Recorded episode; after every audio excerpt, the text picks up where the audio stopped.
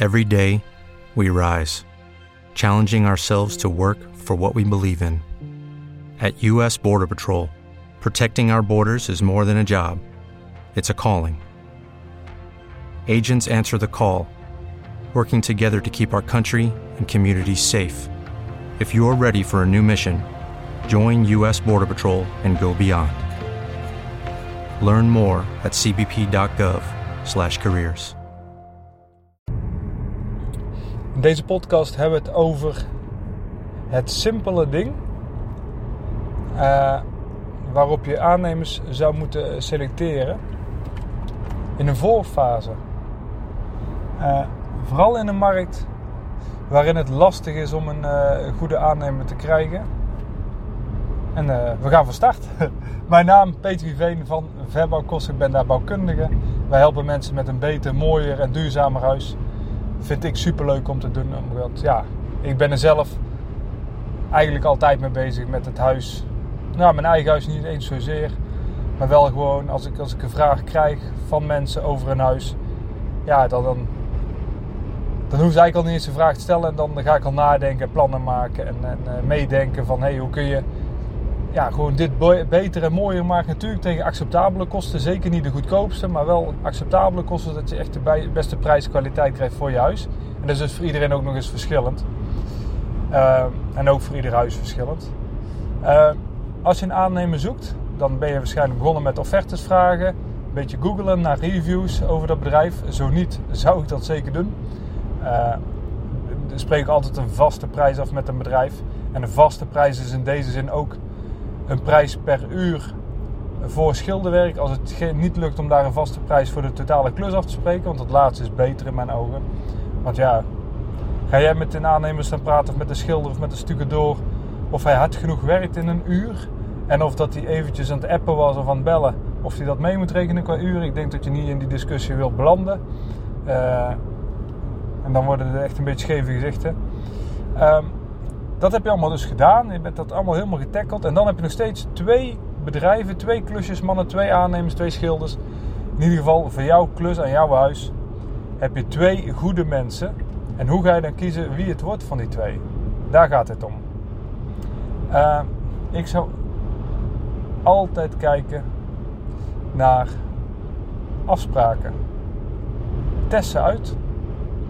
Uh, bespreek iets met ze.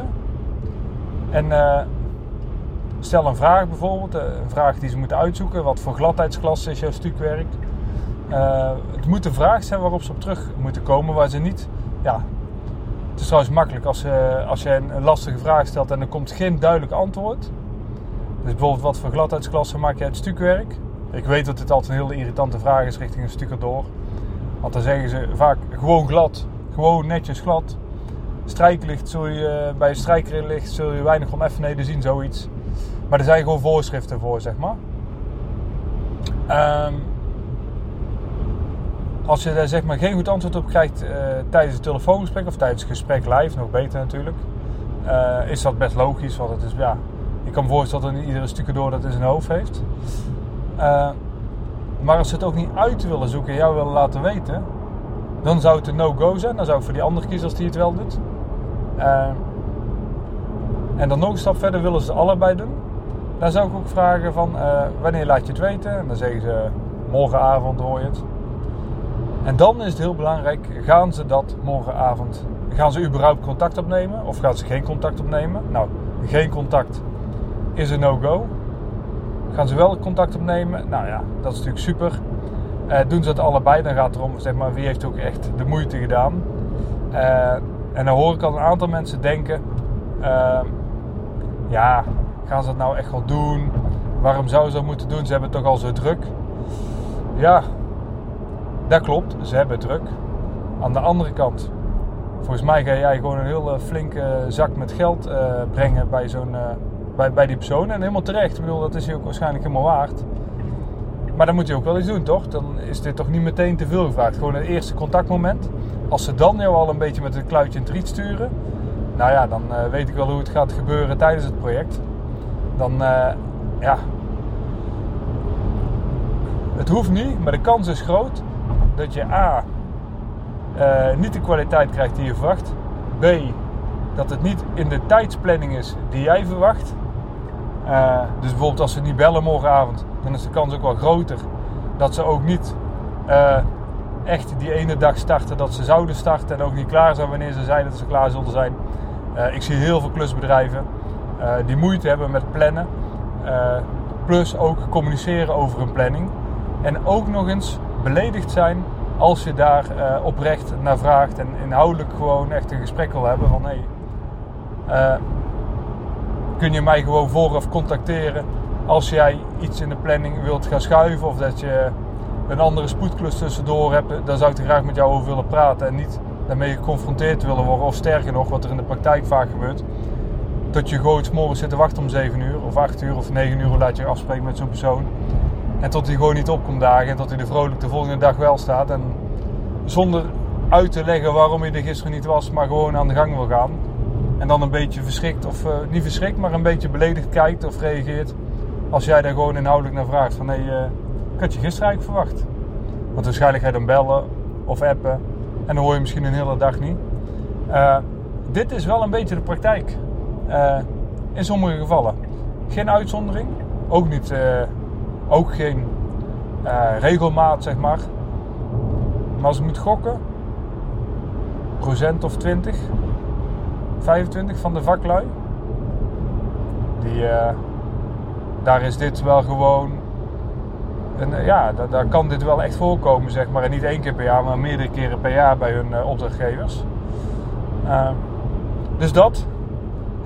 dit naar aanleiding van een gesprek wat ik had met een, ja, eigenlijk een leek op het gebied van, van bouwen, verbouwen, klussen, alles rondom het huis die was zeer verbaasd en die, was, die begon zeer gefrustreerd aan mij te vertellen dat hij het toch niet begrijpt. Want dat kon in zijn werk toch echt niet. Stel dat hij dat nou, als hij dat zou meemaken in zijn werk, dan zou iedereen al failliet zijn, bla bla. Dus zat heel veel frustratie bij die persoon.